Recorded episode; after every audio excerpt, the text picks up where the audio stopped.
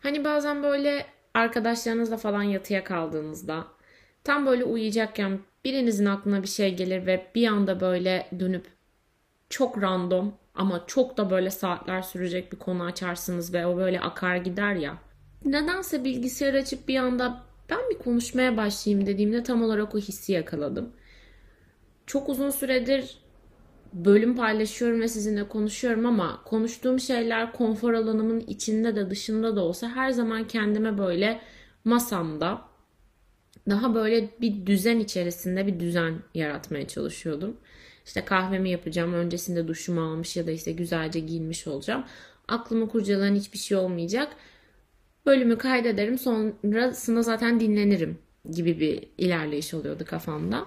Ama bu sefer hakikaten de yatağımda oturdum. Pijamalarımı giydim. Saat 12'ye geliyor. Kendime ıhlamur yaptım. Şansıma da bugün oda arkadaşım random bir şekilde bir arkadaşıyla görüşmeye çıktı. Öyle olunca dedim ki e, ben de sıkılıyorum. Çok da çıkamıyorum evden. Ayağımda küçük bir sakatlık yaşadım. Öyle olunca dedim ki e, ben de o zaman arkadaşlarımla bir sohbet edeyim. Geçenlerde de sizden ne konuşmamı istersiniz diye böyle birkaç fikir almıştım. Çok fazla da yanıt geldi. Göz gezdirdim ama hepsini hatırlamayınca bu böyle daha da bir hoşuma gitti. Acaba ilk gördüğümde, ilk okuduğumda aklıma nasıl bir fikir gelecek, ne düşünüyor olacağım. O yüzden tamamen böyle ne söyleyeceğimi bilmediğim ve sizin sorduğunuz şeylerle aslında düşünce akışımın şekilleneceği küçük bir bölüm atmak istedim. Ki siz de böyle bunu cuma günü haftanın kapanışında dinleyin. Başka insanlar dünyanın, ülkenin, aynı şehrin, belki aynı mahallenin farklı uçlarında ne kadar farklı ve bazen ne kadar aynı şeyler düşünebiliyor. Ya da aynı soruların birbirinden farklı kaç farklı cevabı olabiliyor. Böyle hep birlikte bir görelim istedim. O yüzden eğer siz de hazırsanız, çayınızı kahvenizi demlediyseniz, pijamalarınızı giymiş, yatağınıza uzanmış ya da her ne yapıyorsanız zihninizde gerçekten bu gecenin bir vakti böyle dönüp de ya kanka şunu hatırlıyor musun dediğiniz o muhabbete hazırsanız sen o kız değil misin? Yeni bölümüne hoş geldiniz. İlk sorudan başlayacağım. Daha doğrusu ilk konudan. Ve her biriyle ilgili küçük küçük mutlaka bir şeyler söylemek istiyorum. O yüzden bu bölüm sizin bölümünüz. Sizin konuştuğunuz. Benim sadece sizin yazdıklarınızı sesli bir şekilde dile getirdiğim bir storytelling bölümü olacak. Başarı isterken yaşanan stres hakkında konuşur musun demiş Bilge ve ben çok sevdiğini eklemiş. Çok teşekkür ederim öncelikle. Ben de seni çok seviyorum. Hepinizi çok seviyorum. Başarı isterken yaşanan stres bence şöyle. E, bu olumluluk ve olumsuzluğun iç içe geçmesiyle ilgili benim yakın zamanda fikrimi değiştiren şeylerden bir tanesi şuydu. Bir gün böyle İdil bir soru cevap yaptığında ilişkisiyle ilgili bir şey sorulmuştu. İşte ne kadar tartışıyorsunuz sevgiline ya da tartışmalarınızı nasıl çözüyorsunuz gibi bir şey. Ve İdil çok güzel bir cevap vermişti. Biz tartışmıyoruz ve bu işte ilişkilerde kavga etmek çok normal, tartışmak çok normal. Aslında o kadar da hani doğru olmadığını gördüm. Minvalinde bir şey söylemişti. Çok aslında üzerinden zaman geçti. O yüzden kendisi bile hatırlıyor mudur net bir şekilde bilmiyorum ama bu böyle bize dayatılan işte bazı güzel şeyler o kadar da kolay gelmez ya da güzelliklerde mutlaka bunun bir tuzu biberi olur. Başarının stresi, işte güzel bir ilişkinin kavgası. Hani her gülün dikeni olur mantığı var. Ama bu bence o kadar da olmak zorunda değil. Bence başarı isterken yaşanan stres o kadar da olması gereken şart bir esans değil. Özellikle de bu tarz şeylerin belki gerçekten elinde sonunda elde edilecek başarının tadını çok kaçırdığını düşünüyorum. Hani böyle bir şey için çok fazla böyle birilerinin eteğini çekiştirdikten sonra iyi tamam tamam hadi denmiş ve hani istediğiniz olmuş ama hevesiniz kırılmış gibi hissettirdiğini düşünüyorum. O yüzden bence başarı isterken, başarılı olmaya çalışırken yaşanan stres belki belli bir dozda normaldir. Ama bunu bunu nasılsa bir parçası diye bu kadar da içselleştirmek ve belki de stresi başarının bir parçasından ziyade başarının bu büyük stresin küçük bir parçası gibi görmemeye çalışmak belki de en önemlisidir. Ama yine de güzel şeylerin bazen zorluklardan geçtiğine ben de inanmak istiyor muyum? İstiyorum. Çünkü insan çektiği bütün acıların, zorlukların bir güzellikle mükafatlandırılacağına inanmak istiyor neticesinde. Bir diğer soru. Bütün olumsuzluklara rağmen hayatta tutunacak bir şey bulup rutine devam etmek. Bu bence belki özellikle şu son dönemde hepimizin deneyimlediği, deneyimlemeye çalıştığı ve belki de gerçekten iyileştiriciliğini herkesin kendi zamanında, kendi hayatındaki o işleyişte gördüğü inanılmaz güzel şeylerden bir tanesi. Ben böyle özellikle hani hala o ergenliğin artık bitişiyle 25 e, yaşına gelmekle e, ve yaşadığım şeylerin belki düşündüğümden daha ağır olduğunu kabul etmekle şunu fark ettim ki insan olmak aslında harika bir şey. Hani böyle zaman zaman insan olmaktan tiksiniyorum. İnsanoğlu ne kadar kötü, ne kadar gamsız falan diye sitem ettiğim anlar çokça oldu. Oluyor ve olacak da. Ama insan olmak mükemmel bir şey. Böyle gerçekten bazı acılardan böyle bir şekilde sıyrılabilmek, bir umuda tutunmak. İnsanın bazen böyle sadece yüzünü yıkadığında bile inanılmaz iyi hissetmesi çok güzel bir şey ve bence bu rutinlerden bile bu kadar hızlıca olumlu bir şekilde etkilenebilmek çok umut verici ve benim galiba insan olmak üzerine en sevdiğim şeylerden bir tanesi de bu. Bir şeyleri geride bırakamama. Ee, ben bu konuda yorum yapacak son insanım belki de ya da belki de ilk insanım bilmiyorum. Çünkü bir şeyleri geride bırakamamaktan zaten iki senedir karşınızda sürekli bıdır bıdır konuşuyorum. Ve bence bu da çok güzel bir şey. Bir şeyleri geride bırakmak zorunda değiliz bence. Evet bazı şeyler gerçekten e, sanki böyle bir yaz tatiline kayak takımı götürmek kadar gereksiz e, asla işe yaramayacak ve sadece böyle bazı bağlılıklardan dolayı yanımızda taşıdığımız ağırlıklar olabiliyor ve onları bazen gerçekten geride bırakmak gerekebiliyor. Ama geride bırakmakla o an için bırakmak ve yeri geldiğinde kullanabilecek olduğumuzu, o anlardan da pay çıkartabileceğimizi ya da oradan bir şey alıp başka bir yere taşıyabileceğimizi insanın her zaman bence aklında bulundurması lazım. Evet yaz tatiline bir kayak takımı götürmek çok manasız olabilir. Ama kış geldiğinde de belki ona ihtiyacımız olacak. O yüzden bir şeyleri geride bırakmayı belki bir şeyleri yerine göre yanımızda taşımak olarak değiştirmek belki bir perspektif katacaktır. Bu benim için de uygulamak istediğim şeylerden bir tanesi. Kendi kendini sabote etme, el alem ve özgüven demiş Gökçe kendi kendini sabote etme ve el alemi aynı soru içerisinde sorması bence inanılmaz güzel. Çünkü insan kendi kendini sabote ettiğinde kendinin el alemi oluyor zaten. Bu da insanın özgüvenini çok zedeliyor. Galiba bununla ilgili yapabileceğim yorum bu. Ee, insan kendi kendini sabote ettiğinde eğer kendine yabancı oluyorsa belki de bir noktada el alemi de siktir etmenin en güzel yolu insanın önce kendine dönüp biraz kendini tanıması. Belki o zaman hem el alemi takmamayı hem de kendi kendine sabote etmeyip kendine de yabancılaşmamayı bir noktada öğrenir. Ama özgüven konusuna gelince benim de sizden öğrenecek çok şeyim var. Eskiyi özlemek ama bir daha eskisi gibi olamayacağını bilmek demiş Elisa. Şimdi size şey diyormuşum hani hayatının alt üst olacağından korkuyorsun ama ya alt üstünden güzelse falan. Hayır. Öyle bir şey demeyeceğim. Ya bu eskiyi özlemek, nostaljik bir insan olmak ve eskisi gibi olamayacağını bilmek gerçekten çok insanı zorlayan bir dilemma. Çok çok zorlayan bir dilemma. Ama gerçekten şu noktada da maalesef o klişenin biraz kapısını çalacağım. Eskisi gibi olmaması o kadar kötü mü gerçekten? Ya da sen bu kadar değişirken, her gün yeni bir şey öğrenirken ya da her gün bir şey öğrenmek zorunda da değiliz. Hali hazırda öğrendiklerimizi farklı bir günde, hiç yaşamadığımız yeni bir günde proses ederken eskisi gibi olmak gerçekten hayatta kalmanı sağlayacak mıydı? Mesela hani 20'lik dişlerin modern insanın bir işine yaramaması gibi. Bazı şeylerin zaten eskisi gibi olmaması gerekiyor.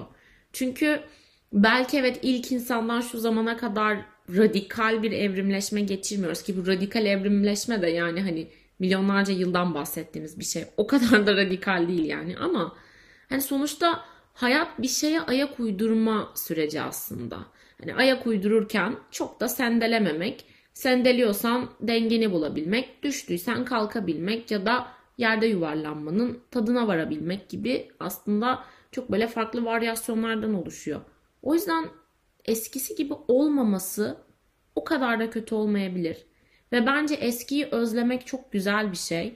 Çünkü insanın yaşadığı bazı şeylerden o kadar da pişman olmadığının böyle tatlı bir göstergesi gibi. Ben kötü deneyimler yaşasam da eskiyi sıklıkla özleyen bir insanım. Ve bu benim o kötü anları böyle hani keriz gibi bir unutmak değil ama bir noktada gerçekten affetmek ya da hafifletmek yükümü ya da rafa kaldırıp artık yenilerine yer açabilmem için bir kolaylık sağladı. O yüzden bence eskiyi özlemek yine çok insani ve çok tatlı özelliklerimizden bir tanesi. İnsanın böyle derya deniz bir hafızası olduğunun bilmek çok güzel bence ya. Hani ben bugün mesela yabancı damatla ilgili bir şey gördüğümde, bir caps gördüğümde oradaki Nazlı'nın yani aktristin gerçek adının Nehir Erdoğan olduğunu böyle zihnimin derinliklerinden böyle gerçekten çekip çıkarttığımı hissettim. Yani böyle insan hafızası bu kadar her şeyi hatırlayabiliyorken eskiyi özlemek çok çok boktan bir örnek verdim ama bence güzel bir şey ya. Hani eskiyi özleyen insanın yenisi de ileride o da eskidiğinde özlenebilecek çok güzel anılarla dolu olabileceğini gösteren bir şey bence. O yüzden devam. Kendini her durumda açıklamak zorunda hissetmek demiş Eylül. Bu benim inanılmaz derecede yaşadığım bir şey. Bölüm paylaşacağım diyorum. Ertesi gün keyfim olmuyor. Paylaşamıyorum. Kendimi çok korkunç hissediyorum. Ya da asla yapmam dediğim bir şey yapıyorum. Asla dönmem dediğim insana dönüyorum. Arkadaşlarıma bunu nasıl açıklayacağım? Arkadaşlarıma bunu ben nasıl söyleyeceğim? Ya da ya insanlar hakkımda şöyle düşünürse falan. Daha dün terapi seansımda bundan bahsederken terapistim çok güzel bir şey söyledi bana. Hayatımda verdiğim kararların başkalarının hayatında da en az bendeki kadar büyük bir etkisi olacağını düşünüyorum. Ama terapistim bana dedi ki senin mesela eski sevgiline dönmek istemen ya da asla yapmam dediğim bir şey yapman. Simay saçını kestirmiş. Simay İtalya'ya taşınmış. Simay da podcast yapıyor. Ha, bu aralar vegan besleniyor. Simay da eski sevgilisiyle tekrardan görüşüyormuş gibi. Aslında tek bir cümlede ve saçını kestirmen, kilo vermen, kilo alman, bronzlaşman gibi aslında genel geçer ve insanların sadece belki böyle çok anlık fark edip ya da çok anlık bahsedebileceği bir şey. Aslında biz bizim hayatımızda olayların kapladığı boyutun başkalarında da aynı boyuta tekabül ettiğini düşündüğümüz için kendimize her durumda açıklamak istiyoruz. Ama aslında o kadar da büyük bir yer kaplamıyoruz bence. O yüzden belki bu biraz yardımcı olur. İlişkide alma verme dengesini kuramama, bu yüzden ilişkiden korkma ya da karşıdakini korkutma diye sormuş Bora. Ben ilişkiler konusunda her zaman böyle sanki bir deftere yazı yazarken ya da yeni bir döneme başlarken en ufak bir hata yapsam o, def o defteri yırtıp atmak ya da o sayfayı yırtıp atma şansım yoksa komple pes etmek.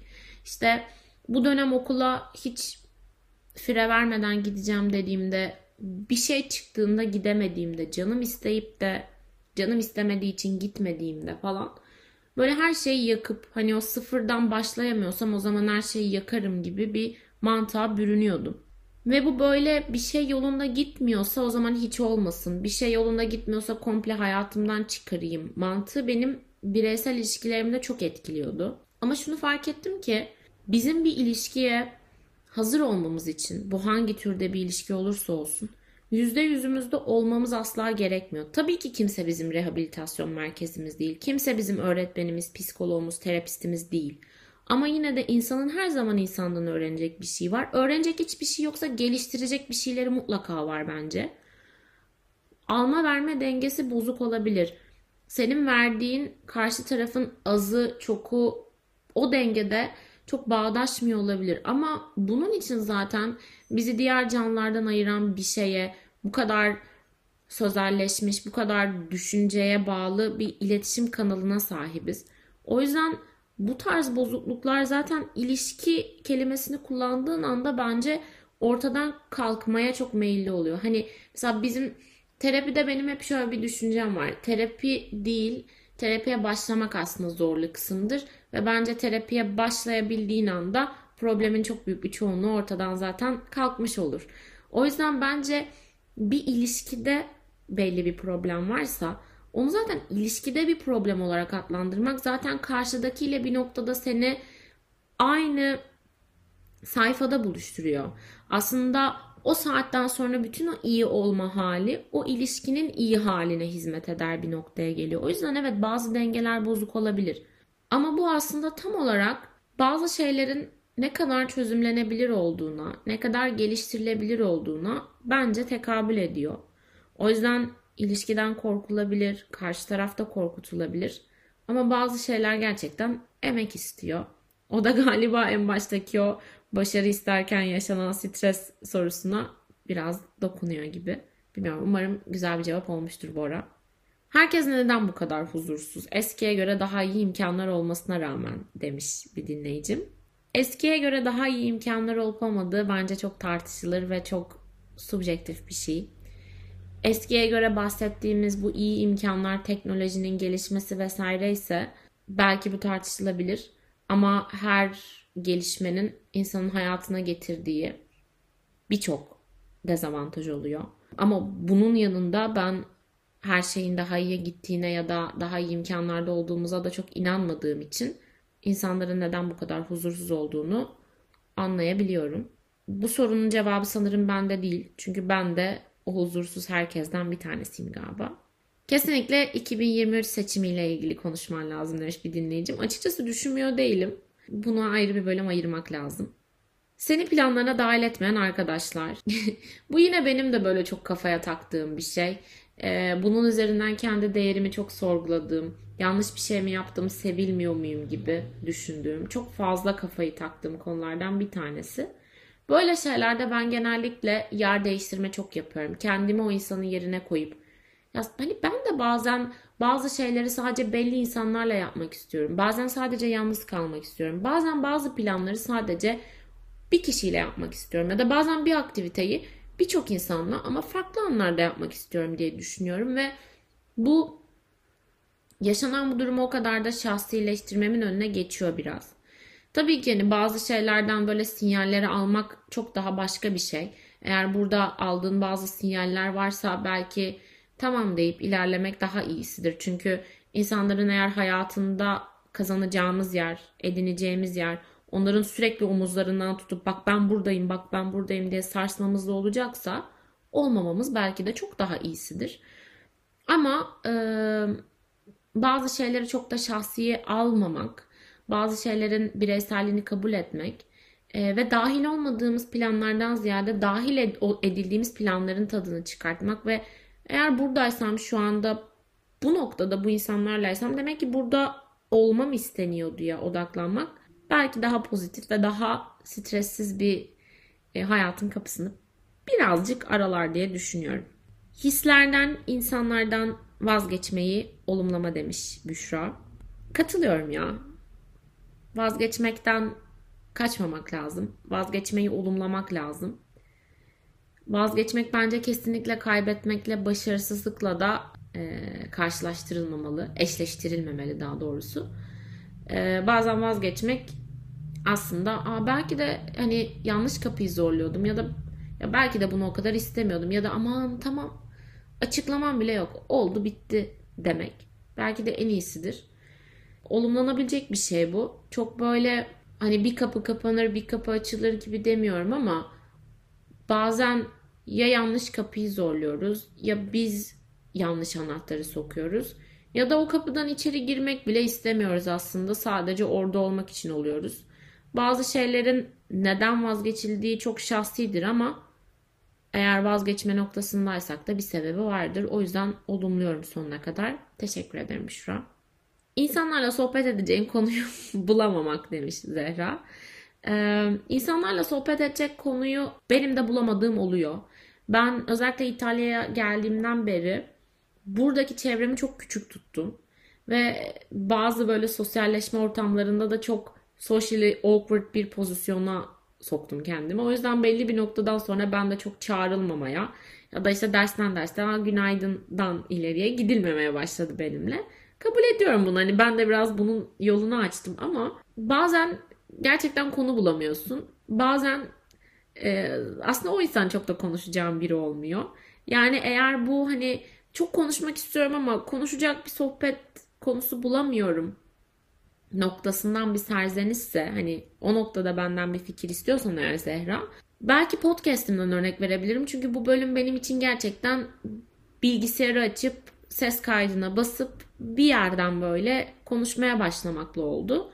Yine de birkaç kere denemem gerekti mesela. Bu bölüm bittikten sonra da editlemem gerekecek. Hani o yüzden demek istediğim bazen böyle gerçekten insanın o an içinden gelen şeyi şak diye söylemesi, bir bilgisayarın kapağını benim kaldırdığım gibi iki dudağını aralaması belki yeterlidir. Ama bence insanlarla edeceğimiz sohbet de inanılmaz derecede pratiğe dayalı bir şey. Bence e, yeterince emek ve zaman harcandığında sen de çok iyi bir konu master'ı olabilirsin. Umudunu kaybetme. Üniversite ve arkadaşlıklar üzerine bir bölüm daha lütfen denmiş. Yine Zehra sormuş bunu. Ben orada yokum arkadaşlar. Ben üniversitede okudum, bitirdim. Üniversitedeki arkadaşlıklarımdan bambaşka bir ders aldım. O yüzden kendimi çift diplomalı sayıyorum. Bu konuyu da açmıyorum. Sevgiler. Küçük bir yer değişikliği yaptım ve şimdi mutfaktayım. Ee, devam ediyorum. Bayağı bir soru var bu arada. O yüzden muhtemelen bunu böyle iki bölüm falan yapacağım. Çünkü şimdiden 25 dakika olmuş. Sevebilme becerisi üzerine konuşmamı istemiş bir dinleyicim.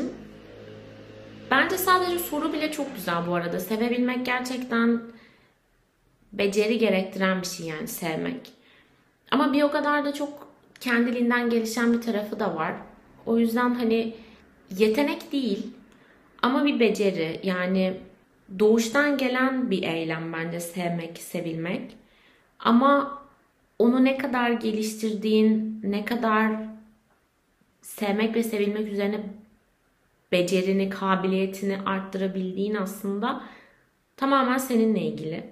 Belki bu noktada hem çok becerili olma yetisi olan insanlarız bence. Hani kültürel arka planımıza bakıldığında. Ama bir o kadar da bence e, bizim sevme ve sevilme şeklimiz müthiş sağlıklı da değil. Bağlanma stillerimiz genellikle bizim çok kaygılı bence.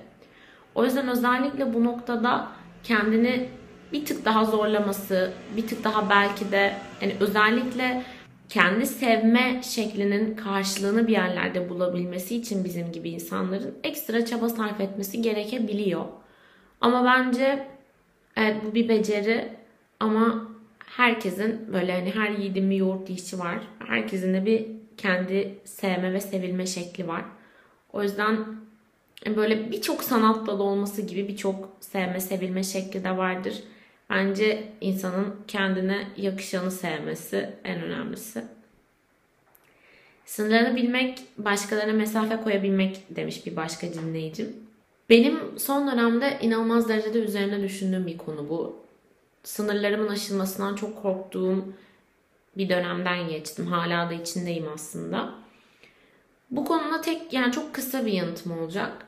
Bence sınırlarınızı çizmek gerçekten çok önemli.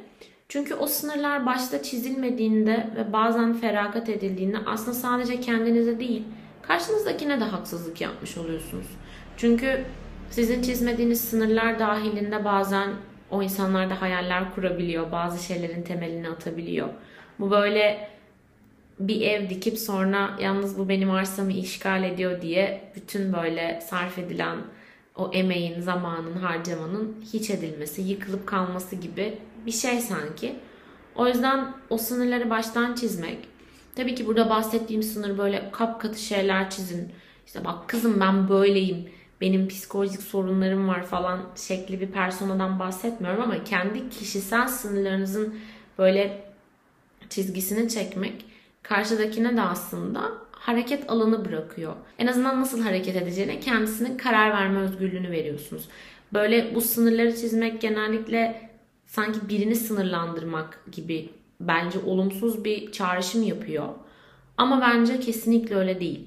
Sadece İstediğin hareketi yap ama kendi alanında yap. Ya da benim alanım bu. Buradan sonrası farklı olabilir. vermek, bu bilgiyi vermek bence e, yaşanabilecek potansiyel kazaların da önüne geçmeyi çok sağlıyor. Bir de yani insanlar genellikle aşina oldukları şeylerdeki ufak değişikliklerde karşı tarafı değişmekle ve sanki bu kötü bir şeymiş gibi nitelendirmekle meşhur. O yüzden o sınırı baştan çekmek e, insanın ilerleyen süreçlerde kendi kendine avukatlık yapmaması için çok kıymetli. Bunu yapalım bence. İhanet uğramak diye sormuş bir e, dinleyicim. Yani ihanetin ben sadece çok farklı boyutlarda olabileceğini düşünüyorum. Kişi kendine de ihanet edebilir. İhanet sadece romantik bir ilişkide bir aldatmak olmayabilir. Bu konuyla ilgili çok fazla söyleyebileceğim bir şey yok galiba. Belki hani ilerleyen süreçlerde zaman zaman kendi hayallerime ya da işte bundan daha önceki halime karşı yaptığım bazı şeyleri zaman zaman sanki bir doğruya ihanet etmiş gibi hissetmem üzerinden böyle bir bölümde ele alabilirim ama çok açıkçası aklıma gelen bir tarafı yok. Her şeyin farkında olmanın verdiği ağırlık demiş bir dinleyicim. Galiba bu soruyla bu bölümü tamamlayacağım. Her şeyin farkında olmak bana direkt terapiyi çağrıştırdı. Terapinin nasıl bir şey olduğu ile ilgili konuşuyordum galiba böyle bir arkadaşımla. Hatırlamıyorum. Ya da belki kendi kendime düşünüyordum ve birkaç kere bunu dillendirdim. Terapi böyle insanın bir anda bir toprağa kazması gibi ve o zamana kadar üzerinde bulunduğu katmanın aslında çok daha derinlerinde, çok daha fazlası olduğunu keşfetme anı ve bu keşif tabii ki insanı çok heyecanlandırıyor. Kazıyorsunuz, kazıyorsunuz, kazıyorsunuz ve siz kazdıkça daha önce hiç yer küreyle buluşmamış ya da sizin ayağınızın değdiği yerle buluşmamış, güneş ışığıyla buluşmamış noktalarınız gerçekten aydınlanmaya başlıyor.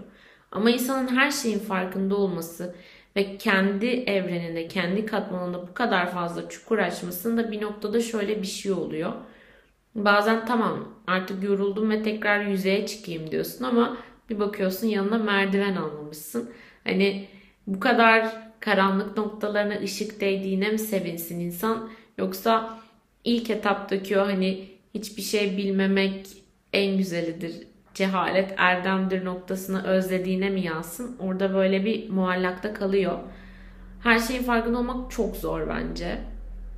Özellikle de maalesef bizim yaşadığımız bu dönemde farkında olduğumuz şeylerin müthiş de kendiliğinden ağırlığı olduğu için sadece farkındalığı yüksek insanlar olmanın değil, aynı zamanda farkında olduğumuz şeylerin somut ağırlığı altında da biraz fazlaca yoruluyoruz. O yüzden çok zor bir şey. Umarım farkında olduğumuz şeylerin içeriği güzelleşir ve böylelikle daha fazla ağırlık hissetmeyiz diye düşünüyorum. Kesinlikle bir ikinci bölüm yapacağım. Çok güzel sorular var. Böyle birkaç tane de yanıtlamak istiyorum. Sanırım bir soruyla bitireceğim ve kalanını da bir ikinci bölümde paylaşacağım. Çünkü bu şekilde sizinle konuşmak çok hoşuma gitti. Hangi soruyla tamamlayacağım buldum. Eda sormuş. Hayatı ilerletmek için insan neye ihtiyaç duyar? Bence insan hayatı ilerletmek için ben bunlara sonra devam edeceğim diyeceği ve yanıtlamayı beklediği başka soruların varlığına ihtiyaç duyar. Aslında bu bölüm benim için tam olarak bu soruyla sonlanacak bir bölüm. Daha bir sürü soru var. Hepsini yanıtlamak istiyorum. Ve muhtemelen ben bunları yanıtlayana kadar sizin merak ettiğiniz birçok şey birikti. Bazılarını belki benden merak ediyorsunuz. Bazılarını başkalarından. Bazılarının cevabını belki duymak bile istemiyorsunuz. Ama bence insan böyle tamam yanıtlayacağım başka sorular var, cevabını arayacağım başka sorular var dediğinde o hayatı ilerletmek için bir motivasyon buluyor. Mesela bana bu bilgisayarı açtıran şey ve tekrardan hadi bir bölüm kaydedeyim dedirten şey sizin sorularınızdı. Ama tabii bunu daha metaforik bir anlamda söylüyorum ama bu aslında kendi hayatıma da entegre ettiğim bir şey. En basitinden yarın ne olacak, sabah kahvaltıda ne yapacağım, bugün nereye gideceğim, bugün ne yapacağım, bugün artık bir ders mi çalışsam, şu sınavdan yoksa kaç alacağım ve bunun gibi iyi, kötü, içi sıkan ya da ferahlatan birçok soruyla bence insan hayatını ilerletiyor. Bir de böyle az önceki soruda tamam bununla bitireceğim dedim ama sonra başka bir tanesine bakayım dedim ya. Hani böyle İnsanın böyle çok farklı şey önünde olunca doyunca bile biraz da şunun tadına bakayım demesi gibi. Bence insanın hayatı ilerletmek için bilinmezliğe ihtiyacı var diyorum. Bir sonraki bölümü de ne zaman paylaşacağımın bilinmezliğiyle sizi baş başa bırakıyorum. Umutsuz alışmayın, yatağa küs girmeyin. Sorularınız için çok teşekkür ederim. Beni de bunlara cevap vermeye layık gördüğünüz için ayrıca teşekkür ederim. Sizi öpüyorum. Müthiş bir hafta sonu diliyorum hepinize.